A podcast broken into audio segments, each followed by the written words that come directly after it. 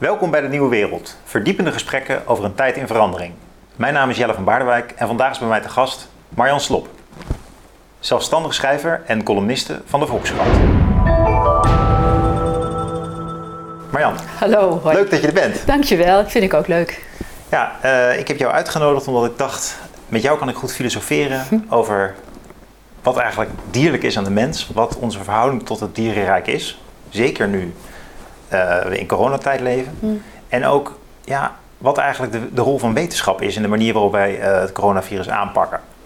Nou, waarom kwam ik daar bij jou? Omdat jij een mooi essay hebt eh, geschreven. Eigenlijk een boek, al een paar jaar geleden, waar je ook de Socrates Wisselbeker voor hebt gewonnen. Hersenbeest. Dat is eigenlijk meer een essay met een toch wel behoorlijk be- betogende trant. En, ehm, eh, ja, die redeneertrant die sprak me erg aan. Dus eh, ik dacht dat boek dat is wel een mooi uitgangspunt voor ons gesprek. Alleen maar leuk, ja. Nou, mooi. Ehm, nou, meteen maar over die dieren beginnen. Mhm. Ja, ik, ik, ik word eigenlijk niet vrolijk van de manier waarop wij met dieren omgaan. Ik heb daar een erg negatief eh, gevoel bij. En ehm, corona is ook ontstaan ehm, door de, in, in China door onze, ja, op een dierenmarkt waar vleermuizen verkocht werden. Overgesprongen van vleermuizen op de mens. ja. Eh, ja, wat- hoe, kijk, hoe kijk jij daar tegenaan? Van hoe dat ontstaan is en wat dat zegt over hoe wij met dieren omgaan? Ja, ik, ik deel heel erg je zorg of je gevoel van we gaan niet goed met dieren om. Weet je, er wordt steeds meer bekend over dat dieren eh, kunnen redeneren, dat ze kunnen voelen, dat ze pijn kunnen ervaren, zelfs vissen pijn kunnen ervaren.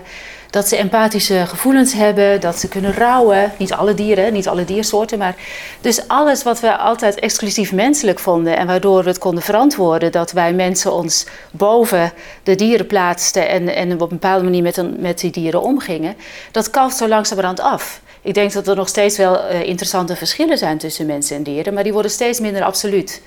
En bijvoorbeeld Frans de Waal, weet je, die grote Nederlandse primatoloog. Ja, Ik denk dat hij echt vooraanstaand is in, eh, in, in gewoon durven kijken naar wat zie je nou eigenlijk. En dat is heel erg des filosofs, Ja. vind ik. Dus proberen om heel onbevooroordeeld en cool, eh, cool in de zin van wel met een warm hart, maar ook in een cool hoofd. Van wat zie ik nou eigenlijk? En met wat, wat voor soort concepten doen we er bij me op en kloppen die wel bij wat ik zie? Weet je, dat je op die manier kritisch Hm. kijkt naar, eh, naar wat je waarneemt bij dieren. En dan vervolgens, wat hij natuurlijk als etoloog doet of primatoloog, ook heel systematisch eh, onderzoeken op gaat zetten. Ik denk dat er een schat aan informatie komt over, ehm, ja, over die, die maakt dat de lijnen tussen, of de afscheidingslijnen tussen mensen en dieren steeds eh, poreuzer worden en, eh, en vloeiender. En dat heeft ontzettend veel gevolgen voor, voor hoe wij dieren beschouwen. En dus ook, niet alleen intellectueel, maar ook moreel. Van wat, wat we met die dieren menen Ja. te kunnen doen. En in feite sluiten ze, ja, dat is natuurlijk al heel vaak gezegd, maar dat kan niet vaak genoeg gezegd worden. De hele bio-industrie, waarin we dieren kweken om, eh, om te doden.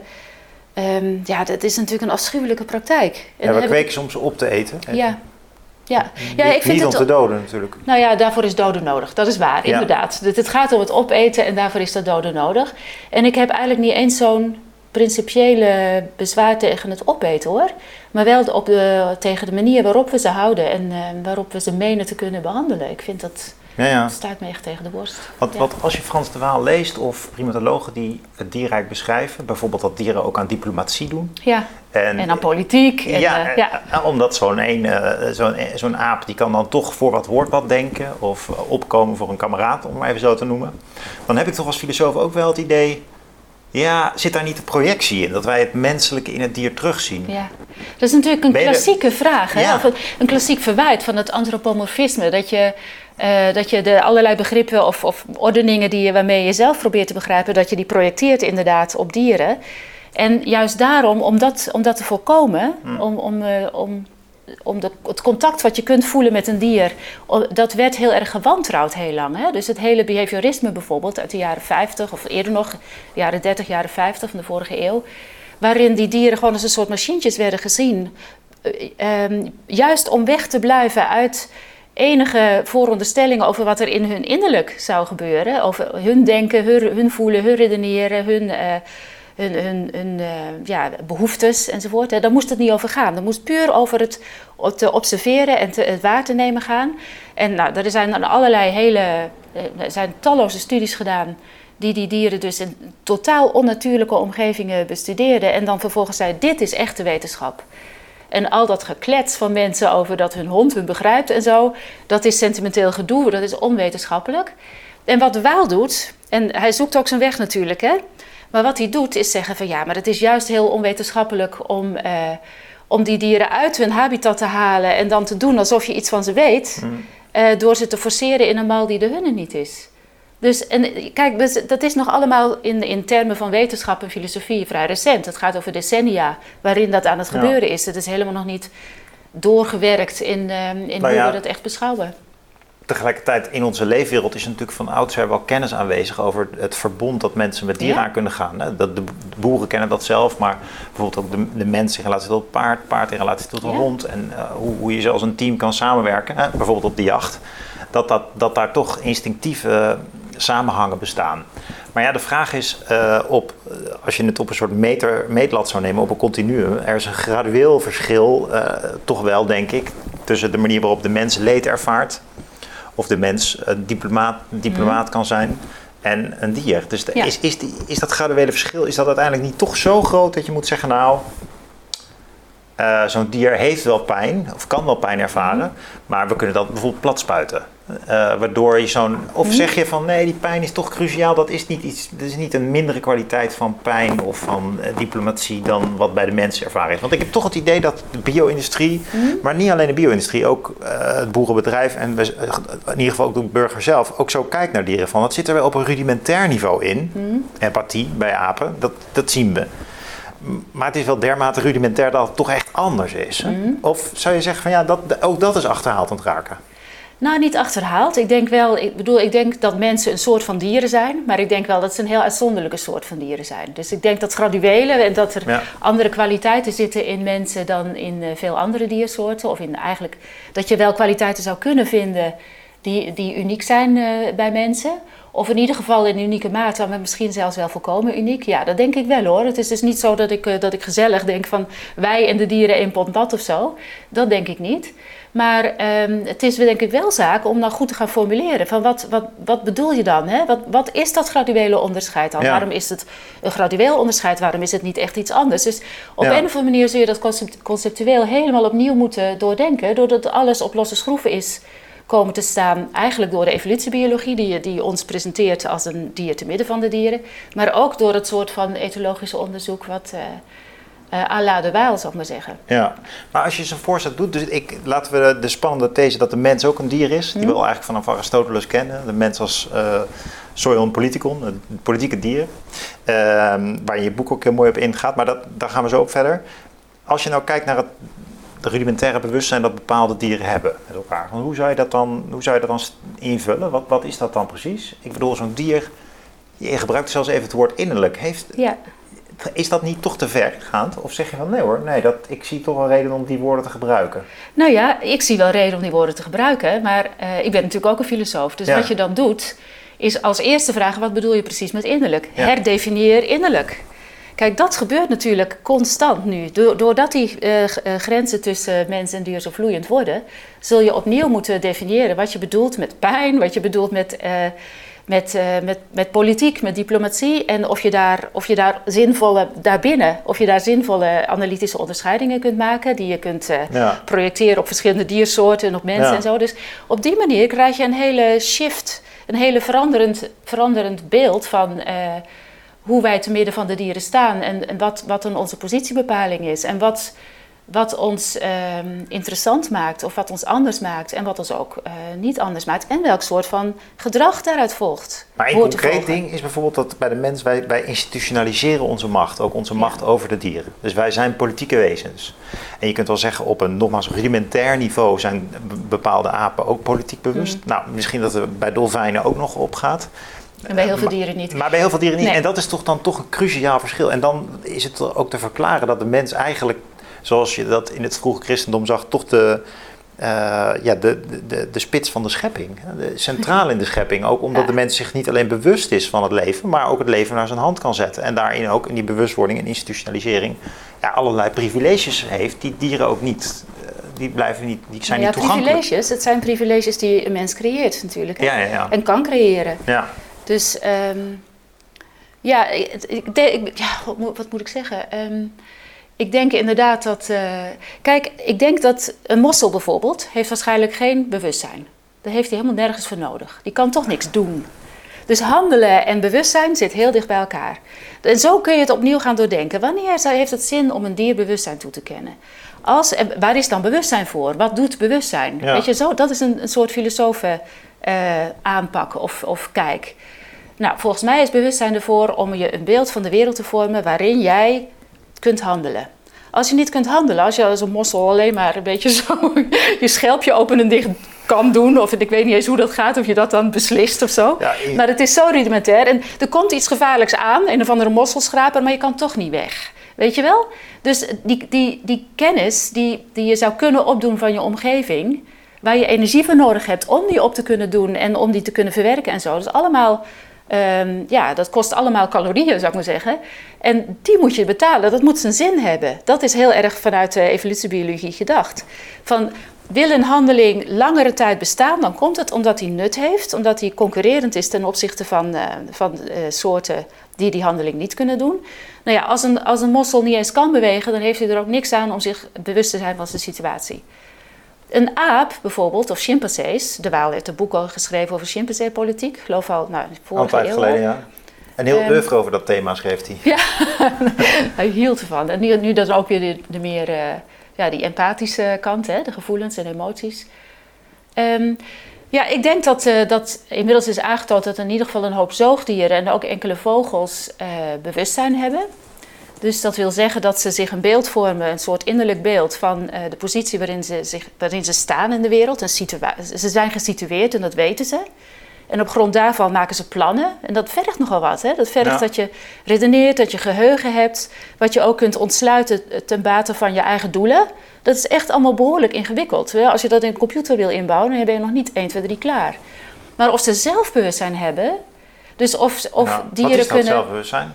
Uh, dat is ook weer weten dat je, dat je een beeld hebt van de, van de omgeving. Dus dat is een soort meta-bewustzijn van het Ja. feit dat je bewustzijn hebt. Ja. En dat, je, dat ik hier ben en jij daar. En dat ik in de wereld ben en dat, dat ik kan bewegen. En dat die wereld hier hetzelfde blijft. En dat ik eh straks over een uurtje weer buiten sta. Weet je, dat, Ja. dat gevoel. En dat, dat, het, het is nog, het zijn twee dingen. Je kunt, dat, je kunt, daarmee, je kunt daarmee effectief eh, handelen, zou ik maar zeggen. Of je gedrag kan zo zijn dat, dat wij kunnen, als mensen kunnen, als bestudeerders, kunnen zeggen: oké, dat dier vertoont het gedrag wat wijst op bewustzijn.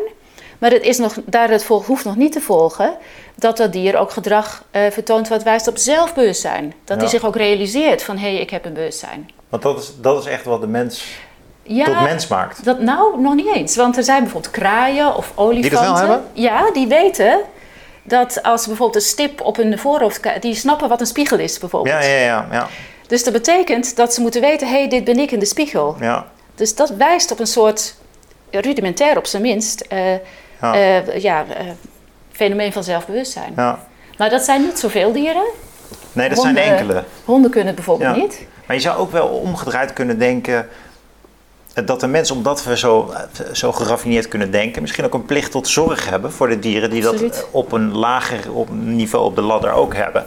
En eh, dan, dan kom ik eigenlijk bij de politieke kant van deze analyse. Want wat, wat me aansprak in jouw essay is dat je met een hele lichte toets het hele zware onderwerp aanpakt, aanvat. Van ja, wat is nu eigenlijk menselijk bewustzijn of wat is nu eigenlijk een dier en wat is het menselijk aan het dier?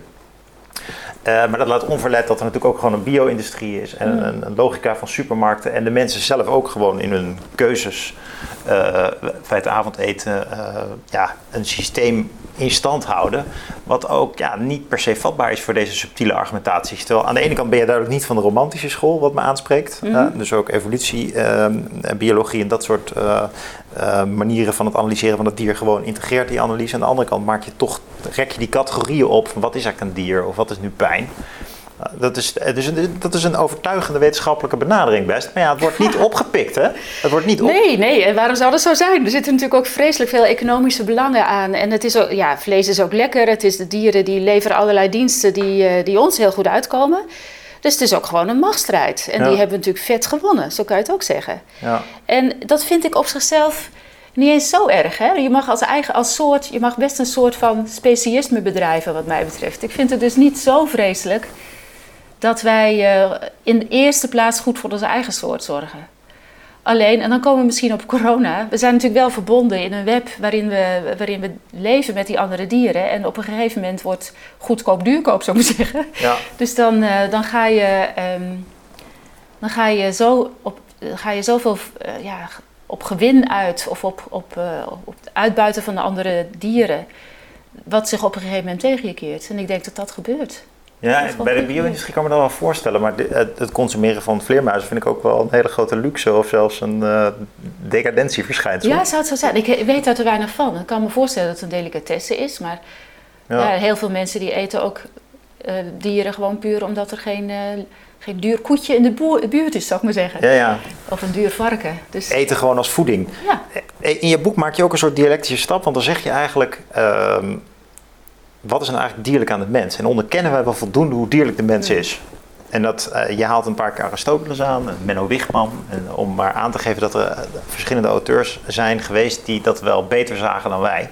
Aristoteles natuurlijk met zijn fameuze typering van de ja. mens als een zoion logon ja. en een zoion politicon.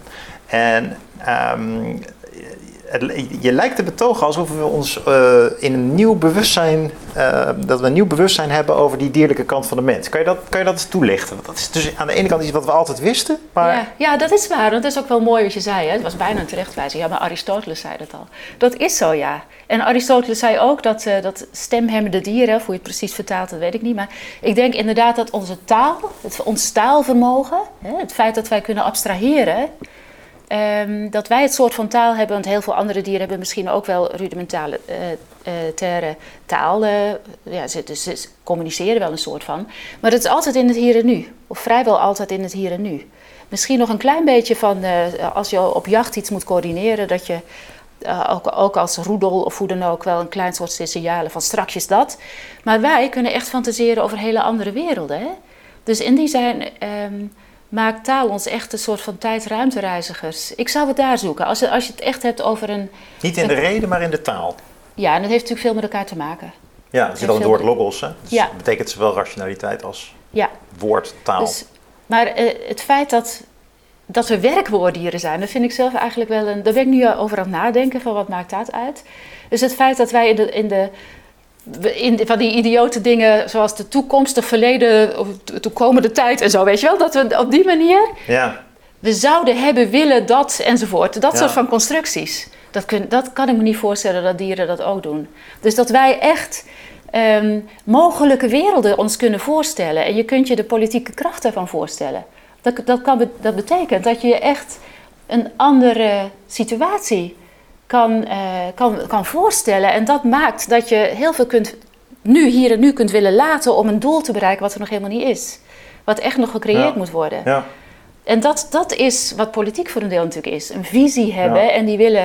Het is ook wel een heel vrolijk perspectief, vind ik. Want je, je kunt ook een uh, droevig perspectief innemen op dezelfde uh, premisse. Kijk, als de mens eigenlijk vooral een dier is, dan kunnen we ook wel verklaren waarom er zulke rare politiek bestaat. Uh, politiek kan ook heel instinctmatig zijn en heel plat. En ja. uh, met, met, een scherpe variant van wij-zij denken en elkaar verwijten maken en oorlog voeren. Dat zit natuurlijk ook aan die dierlijke kant. Ja, ja maar dat is. Nou ja, dat, ik weet niet eens, weet je, ik vind het soms heel moeilijk om. Ik vind het werkelijk de laatste tijd heel moeilijk om zo in, in dat schema te denken van. Uh, het instinctieve, dat is het dierlijke. En het niet-instinctieve, dat is dan meer des mensen of zo. Oh ja, dus je wil dat zelfs niet doen zo? Nou ja, ik, ik, oorlog zit in dieren, maar het zit ook in mensen. En um, mooie dingen, uh, liefdevolle dingen zitten in dieren en zitten ook in mensen. Ik denk alleen dat. Um, dus daarin zie ik niet het hogere of het lagere. Dat is gewoon een breedte. Dat is voor mij niet een verticaal schema, zou ik maar zeggen. Dat is meer een, uh, een web. En het, als ik dan iets, iets zou willen zeggen waarin, uh, waarin mensen echt boven andere dieren uitstijgen, dan gaat het over het kunnen denken in het verleden en het kunnen denken in een toekomst die er nog niet eens is. Dus dat is wel echt heel iets bijzonders, denk ik. Ja, maar vogel kan toch zijn nest bouwen? Of, ja, die kan plannen en die heeft ja. inderdaad in die zin instincten. En wat ik zei, hè, bijvoorbeeld uh, wolven of zo, die kunnen natuurlijk hun acties wel coördineren. Dus het kan wel. Maar ik heb zelf een hondje, hè? daar ben ik helemaal dol op. En, en daarom ook denk ik dat, uh, dat ik, dat ik uh, het heel raar vind om te, dat, dat mensen überhaupt hebben kunnen denken dat er niet iets zou gebeuren tussen mensen en dieren. Ik maak dagelijks mee dat het wel zo is. En je maakt mij niet wijs dat ik dat fantaseer, dat is gewoon niet zo. Maar ik zie ook, die hond is heel snel dingen vergeten. Dus die is op een koers en dan is hij eraf en dan, dan, weer het volgende. Dus er zijn ook wel verschillen. Het mooie is ook, denk ik, als je met uh, andere dieren omgaat, om te zien waarin ze echt van ons verschillen. Ik zit sinds een tijdje in de Raad voor Dierenaangelegenheden. Dat is een soort uh, raad die, uh, die Carola Schouten adviseert. Zoiets als de Gezondheidsraad, maar dan voor dieren. Hm. En wij zijn nu, ben nu bezig met een, een, een subgroepje. Zitten we te kijken over, wat, uh, over antropomorfisme nou juist. Hè? Dus dat idee van uh, dat je te veel van dieren ja, kan houden. En je te veel met dieren kan. Blik. Juist, maar ook de sentimentele blik. Ja. En de, de blik die eigenlijk te weinig verschil ziet tussen mens en dier. Want dat kan ook.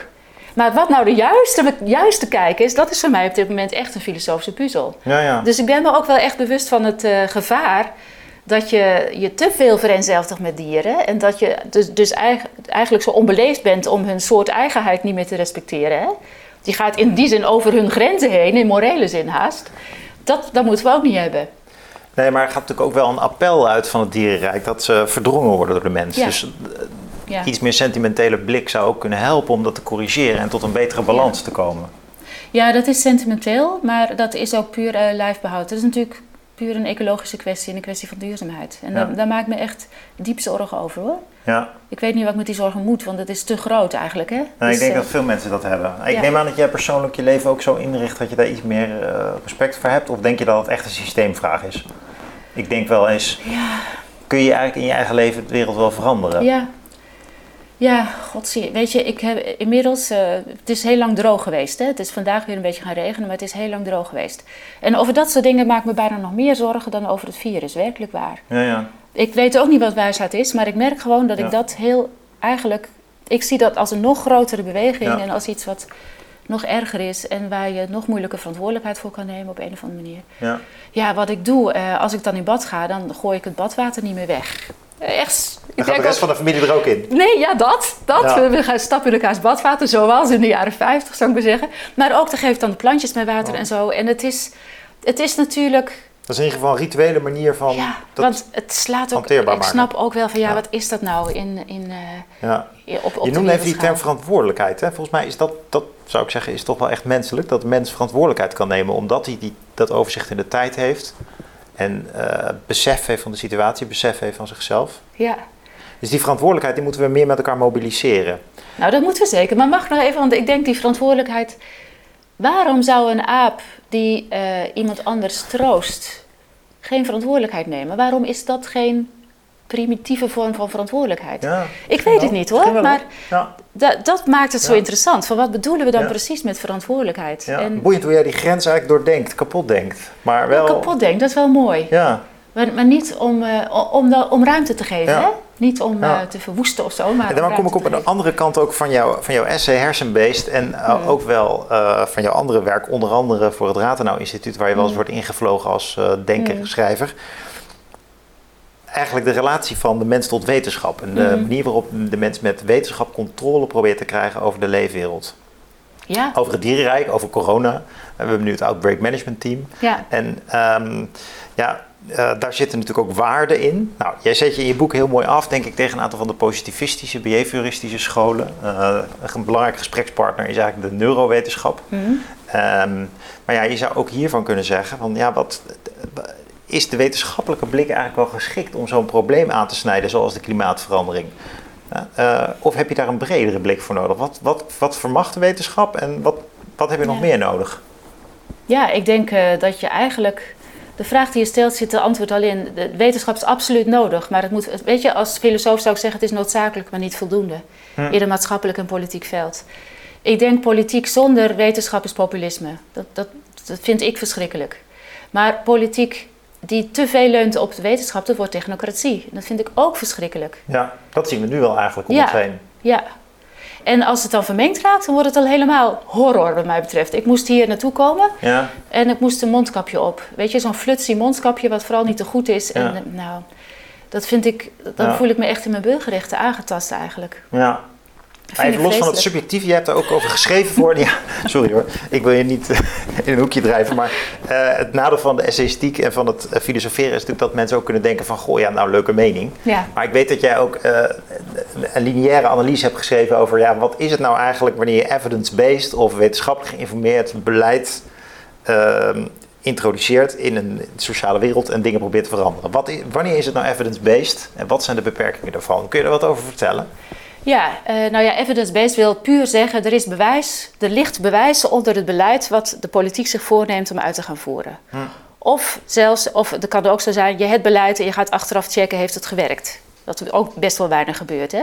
Ja. Dus het is uh, proberen om een soort rationale te vinden onder dat beleid dat verder gaat alleen, ik vind dit belangrijk. Dat is ook mooi, maar je kan hartstikke veel dingen belangrijk vinden. Als jij beleid uitvaardigt wat niet werkt, ja. dan doe je niks. Dan is het alleen maar retoriek en dan kost het veel geld en dan levert het waarschijnlijk nog ergens anders problemen op. Dus als je beleid probeert te ontwikkelen of uh, uitvoert of probeert te evalueren, dan zul je moeten kijken of je daarmee grip hebt gekregen op de wereld. Hm. Op de feiten, op de Kun je realiteit. een voorbeeld noemen van hoe je, dat, hoe je dat dan in de praktijk ziet? Wat je Um, schetst? God, dat kan je een voorbeeld noemen. Uh, bijvoorbeeld uh, onderwijsvernieuwingen. Hm. Werken, die nou eigenlijk, werken die nou eigenlijk wel? Wer, werkt het bijvoorbeeld... Iedereen zegt nu van... Um, er staan te veel vrouwen voor de klas in de basisschool. Bijvoorbeeld, hè? En daar komt dan een hele redenering bij... waarom dat niet goed is voor jongetjes... en waarom, uh, waarom dat zou verklaren... dat uh, jongetjes nu uh, terugzakken ten opzichte van de meisjes. Ja. Nou, dat laatste zullen we dan maar even beschouwen als een feit.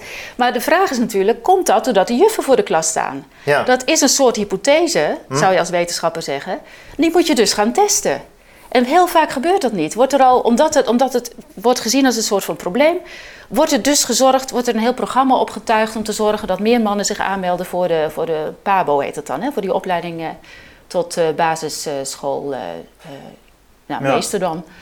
Maar of dat werkelijk zou helpen om die, uh, om die jongetjes uh, beter, weer beter te laten Ja. presteren op die Intuïtief indicatoren. lijkt het me wel, eerlijk gezegd. Ja, mij Maar- ook. Ja. Maar het is nog niet gecheckt. Ja. En een heleboel van die dingen, ik kunnen het ook over klassengrootte bijvoorbeeld. Ja. Of over ehm, vroeg, eh, vroeg uitsplitsen van, eh, van ehm, talenten of juist niet. Weet je wel, allemaal dat soort dingen. En heel vaak, het is net als economie. Er is altijd wel eh, een redenering aan vast te koppelen aan een standpunt. Hm.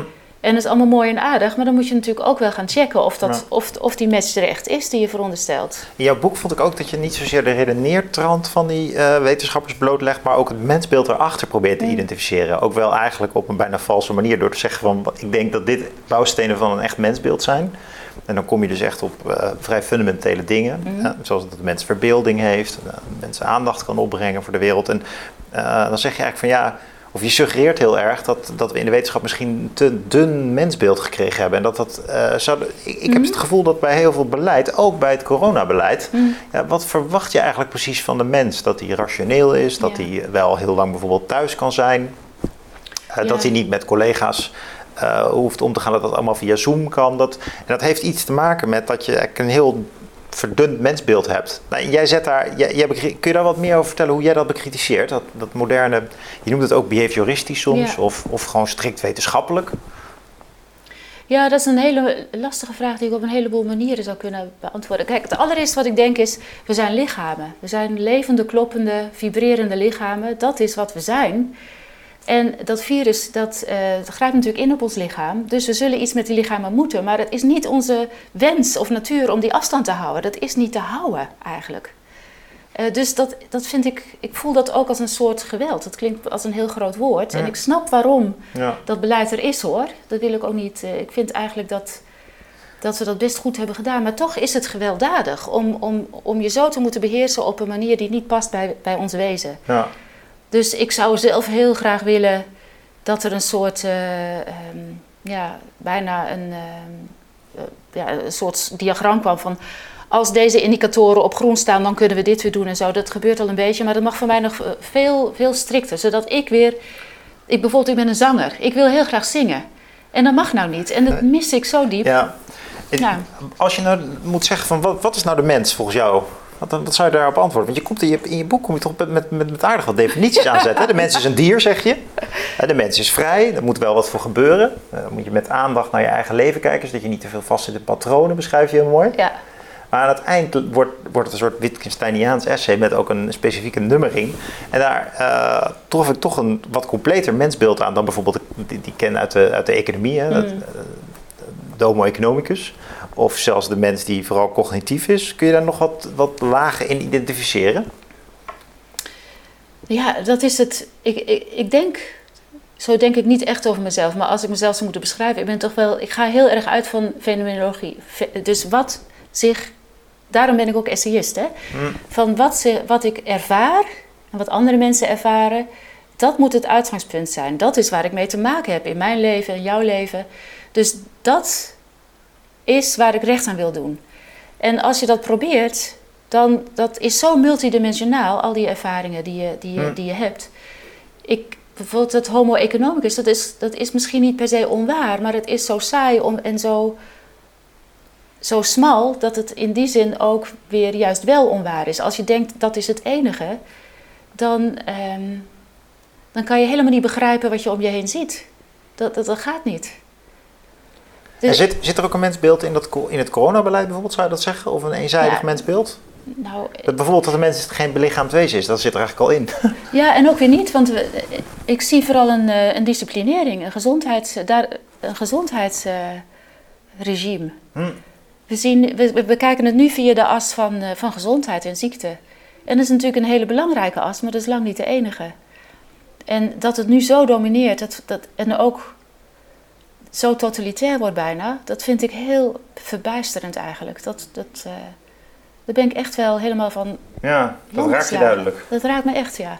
Ja, ja en, dat maar, is. Maar bijvoorbeeld als jij dus met Raad nou aan het werk bent, hè, en jij geeft ook de, de, overheid feedback, of jullie geven gevraagd en ongevraagd, uh, reiken jullie rapporten aan van, om bepaald beleid te evalueren. Mm. Hoe kun, je dat, hoe kun je dat aanpakken? Want dit is toch een ervaring die veel mensen hebben. Maar op de een of andere manier is het heel lastig kennelijk voor de overheid om het geval van een calamiteit dan daar ook rekenschap van te geven die complexiteit. Ja, er komt toch dan snel een eenduidig beeld. Ja, en in het geval van een crisis snap ik dat nog wel. Er moesten, moesten alle hands aan dekken. Je moet handelen in onzekerheid, wat een van de moeilijkste dingen is die er zijn. Kijk, en wetenschappers zeggen dan, we weten het nog niet, dus we beweren nog niks. Hè? Dus, maar als politicus moet je handelen. En ik vind dat, het, dat we dat best wel goed gedaan hebben eigenlijk. Maar wat je wel kan zeggen is dat Outbreak Management Team, dat is ook al vaker gezegd, werd gewoon wel heel eenzijdig samengesteld. Dus die multidimensionaliteit die ik zie aan mensen, die, die ik ook ervaar in mezelf, maar ook aan wat ik zie in andere mensen. Daar werd geen recht aan gedaan door de expertise die in, de, in het Outbreak Management eh, Team werd, uh, werd binnengehaald. Terwijl daar wel ontzettend veel ingrijpende beslissingen uit zijn gekomen. En ik denk dat die mensen stuk voor stuk goed werk hebben gedaan. Hoor. Daar gaat het me niet om. Hm. Dat is niet om... Maar de fenomenologische blik ontbreekt. Ja, de rijkdom van de fenomenologische blik. En ehm, ik hoop dat daar snel weer ruimte voor komt. En, ja. en dan nog iets, dat, dat heeft met de rijkdom te maken van die blik dan. Maar ik denk uh, wat in evidence-based policy ook heel belangrijk is, dat is die klassieker van Hume, hè, van de is-ought gap. Hm. Vanuit het vaststellen van de feiten hm. volgt gewoon niet wat er dus moet gebeuren. Je, je kunt, dat is altijd een extra beslissing die vanuit een ander vaatje getapt wordt. Dus je kunt een expert die, of een wetenschapper die, die, goed, die het beste op de hoogte is van de feiten. En die feiten zijn belangrijk. En daar moet je vooral ook goede wetenschappers voor hebben. In die zin ben ik niet een anything goes iemand. Maar het zijn feiten, daar volgt niet beleid uit. Nou, nou het, is ja, het zijn natuurlijk wel casuïstieken die je met elkaar vergelijkt. Hoe bedoel je? Nou, je kijkt hoe pakt China het aan, of hoe pakt Zweden het aan. En je probeert je daar toch op te oriënteren. En dat zijn zelf al normatieve casus. En, ehm, dus je, ja, je, je, moet beslissen. Dus het is ook niet helemaal, vind ik, alleen maar een feitelijke situatie. Want daarvoor is het script van de werkelijkheid al veel te normatief. Je, wordt al, je ziet al de IC-bedden, je ziet al dat virus eraan komt. Dus je moet daarop handelen. Ja, je kunt inderdaad, en je ziet een heleboel dingen terug. Ik denk dat er heel veel interessante boeken over deze tijd uh, geschreven gaan worden. Bijvoorbeeld ook de definitiekwesties. Hè? België scoort heel, heel slecht op de statistieken omdat ze een heel ander soort van definitie uh, hanteren of omdat ze veel meer testen. Dus je ziet hoe, uh, ja, hoe, hoe voor een filosoof is dat leuk om te zien hoe het vocabulaire zich vertaalt in, in resultaten die dan zogenaamd harde feiten zijn. Ja, ja. En die zijn misschien ook wel harde feiten, maar ja, Die, die feiten kun je ook echt op honderd manieren anders framen. Dan komt voor jou toch de, kern, kerneigenschap van de mens weer terug. De mens is een talig wezen. En Ja. je moet dus goed bedenken van hoe je dingen verwoordt. Ja, en, ja. ja, inderdaad, dat is mooi gezegd. Kijk, in jouw, wat, ik ook heel mooi vond in de actualiteit van jouw boek is ook dat je eigenlijk op een persoonlijke manier via het essay eh, probeert zinvol te spreken over Mhm. dingen als bijvoorbeeld wat is het verschil tussen mens en dier, wat is bewustzijn. Ehm, heb je daar nou ook heel bewust voor gekozen om dat in die essayvorm te schrijven, omdat daar die talige zoektocht in zit? Of is dat, want wat ik zei, het eindigt eigenlijk toch wel weer meer wetenschappelijk met een lijst van definities. Eh, wat, wat, wat is dat eigenlijk voor jou, dat, dat essay? Waarom, waarom heb je dat bewust gekozen? Oh ja, absoluut. Ja, kijk, voor een deel omdat ik. eh, wat, wat staat me open? Ik ben geen expert. Hè? Ik bedoel, ik heb filosofie gestudeerd en ik, eh, ik, ik, ik ben. ehm, ik, ik verhoud me tot filosofie Ja. en dat doe ik met overgave. Dat vind ik geweldig, dat is mijn leven. Maar ik werk niet aan de universiteit. Ik ben niet op de hoogte van de allerlaatste discussies. Ik, kan, ik heb geen eens toegang daartoe. Dan moet je er vet voor betalen voor al die, eh, die wetenschappelijke artikelen. Dus ik kan daar niet gaan oreren van... volgens mij zit het zo, mensen. Dat, dat kan ik helemaal, dat, dat, Nee. dat maak ik mezelf belachelijk. Maar het interesseert me ook niet werkelijk. Ik wil gewoon, dat heeft weer met die fenomenologie te maken. Ik wil vanuit wat ik voel eh, eigenlijk soep koken van, ehm, ja, wat, wat stelt dat nou voor? En, en dat ook niet als een dagboek doen, maar dat wel verbinden met wat ik zie bij andere mensen, wat andere mensen erover geschreven hebben, als een soort ja, poging om zelf te verhelderen en te zoeken, hoe kan ik dit begrijpen? En, ehm, en daarin een soort van bescheidenheid te hebben. Van ik, ik pretendeer niet dat ik dat nu heb uitgevonden. Ik laat wel zien hoe ik zelf denk dat ik helderder daarover ben geworden. Dus dat is, dat is het onbescheidene eraan. Hè? Ja, dat, ja. dat ik denk dat ik dat toch wel ben geworden. En wat jij dat wetenschappelijk aan het einde noemt, dat zijn eigenlijk meer de, de bevindingen die ik voor mezelf heb gedaan. En waarmee, je als, eh, waarmee ik dan in gesprek zou kunnen met, met eh, wetenschappers of met filosofen. En Ja. zou willen ook. En daar zitten, daar zitten wel diep geïnformeerde overtuigingen in. Ja, Maar ehm, Nou, ik vond het heel leuk om juist in die orde dat een zoekend boek te lezen. Ja. Met aan het einde dan kerndefinities en eigenlijk eh bijna metafysische inzichten. Van dit, dit is het in de kern wat de mens een aandachtig wezen maakt bijvoorbeeld. Maar ja, grappig genoeg is het schrijven van een essay ook een soort dier, een dierlijke manier van schrijven, vind ik. Waarom? Het is, nou, het is niet heel cognitief bijvoorbeeld. Je gaat heel, je gaat heel erg mee met je ervaringen. Eh, je schrijft zoekend, je Ja. werkt met beelden. Het is toch ook eh Marjan die als dier rondsnuffelt in de wereld. rondsnuffelen, dat vind ik mooi. Ja. Ja, het heeft iets tas. Het heeft in die zin iets lichamelijks. Ja. Ik, ik voel me een weg. Maar het heeft ook te maken met een soort overtuiging. Hè, van zowel ehm, een bescheidenheid van ik kan niet alles weten. Nee. Ik bedoel, niet alleen omdat ik geen expert ben, maar zelfs omdat de experts niet alles Ja. weten. Dat zagen we ook in het oude Ja, maar misschien dat jij tot slot toch een compliment dan aan jou. Ik denk dat je het misschien nu te veel negatief ziet. Dat je niet in de wetenschap staat en niet analytisch schrijft. Dat het, de kracht ervan is juist dat je het je ook niet in de weg staat. En juist het visuele en de wereld zelf eh, tot je laat doordringen. En daardoor zet je natuurlijk ook... Kijk, filosoferen is ook een persoonlijk proces. Je bent ook aan het nadenken. En Ja. je neemt de lezer daar heel erg in mee. Dus dat Ja. is toch wel vooral een kracht. Nou, dan, dan ontvang ik dat graag, dankjewel. Gelukkig. En dan denk ik ook, eh, kijk, dit is ook wat meer de, de, de artistieke kant, de kunstzinnige kant van filosofie. Hè? Filosofie is natuurlijk een rare discipline. Er zit, er zit iets heel eh, rigoureus in, iets heel analytisch. Maar ook iets verkennends en iets, iets, ehm, iets ja, beschouwends en iets, iets eh, reflecterends. Wat, Mhm. wat, je, wat te maken heeft met hoe je dat doet, met je stijl. Ja. En eh, met een soort persoonlijke stijl die, Ja. ehm, die je soms in de universiteiten eigenlijk niet al te veel kan, Ja. kan uitstralen. Maar we hebben ze nodig, deze filosofische analyses, om de wetenschap ook een plaats te geven. Bijvoorbeeld in de krant, in je column. Ja, wat ik dus het, het, het leukste vind eigenlijk, is dat jij zegt van ja, de, men, de mens is zelf nog een dier.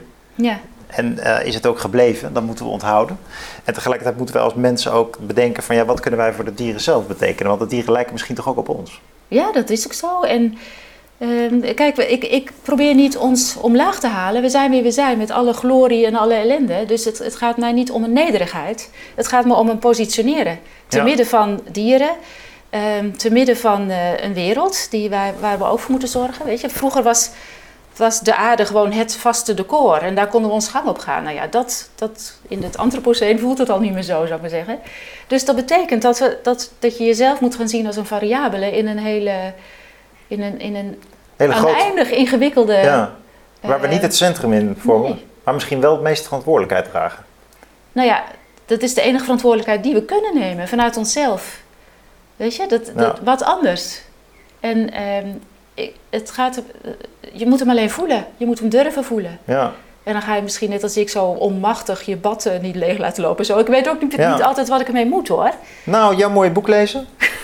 ik denk dat het namelijk wel helpt om te bedenken van ehm, wat, het, wat het voor onszelf ook als mensen betekent. Dat we misschien dus ook de dierlijke kant hebben. En dat we eh, maar een kruimel op de rok van het universum zijn. Er zit een, een overtuigende relativering in. Marianne, ik wil je bedanken voor je eh, komst hierheen. Het was een leuk gesprek. Dankjewel, graag gedaan.